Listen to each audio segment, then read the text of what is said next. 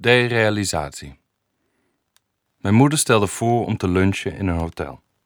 We zaten buiten, want de zon scheen. Op het terras zat een vrouw.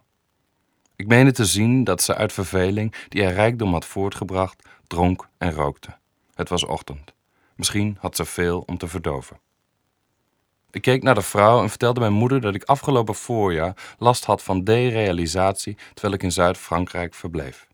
Een toestand waarin je je vertrouwde omgeving als onwerkelijk ervaart. Ze vroeg: Waarom heb je me dat niet eerder verteld? Ik wist het niet. Wellicht deed de herfstzon me aan dit voorjaar denken. Ze zei: Ik herken dat derealiseren eigenlijk maar al te goed. Er is een videoband van je tweede verjaardag. Ik kan niet naar mezelf kijken. Ik zie een ongemakkelijk en onzeker mens. Onder de mensen voelde ik me vaak niet thuis. Pas toen jij ouder werd, werd ik gelukkiger. Het lag niet aan de mensen, maar aan mij.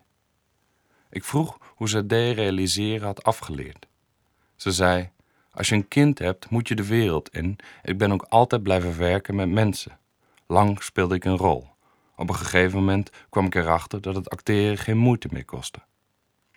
De platgetreden vergelijking, ze heeft zich als een vlinde ontpopt, gaat in mijn moeders geval, denk ik, op. Althans, ik ken haar niet schuchter of ze is een goede actrice. De lunch werd geserveerd. Naast ons zat een blinde man met een geleidehond. Soms voerde hij het dier een plakje worst. Toen de hond begon te blaffen, zei de rijke vrouw van een afstandje: Hij moet me niet.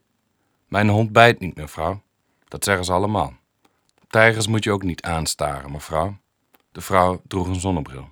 Ze zei: Vorig jaar ben ik gebeten en die man zei ook dat zijn honden niet beten.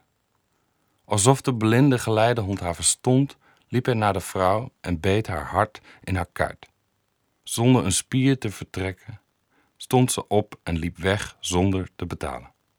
De blinde man had niets in de gaten. Ik snapte het niet. Wie van de twee had last van derealisatie? Beide, want net als de blinde plaatste de rijke vrouw zich gewild of ongewild buiten de maatschappij. Ik keek naar mijn moeder. Ik vroeg me af welke rol ze op dit moment speelde. Ik was al lang niet meer thuis geweest, maar misschien bestond die plek al niet meer.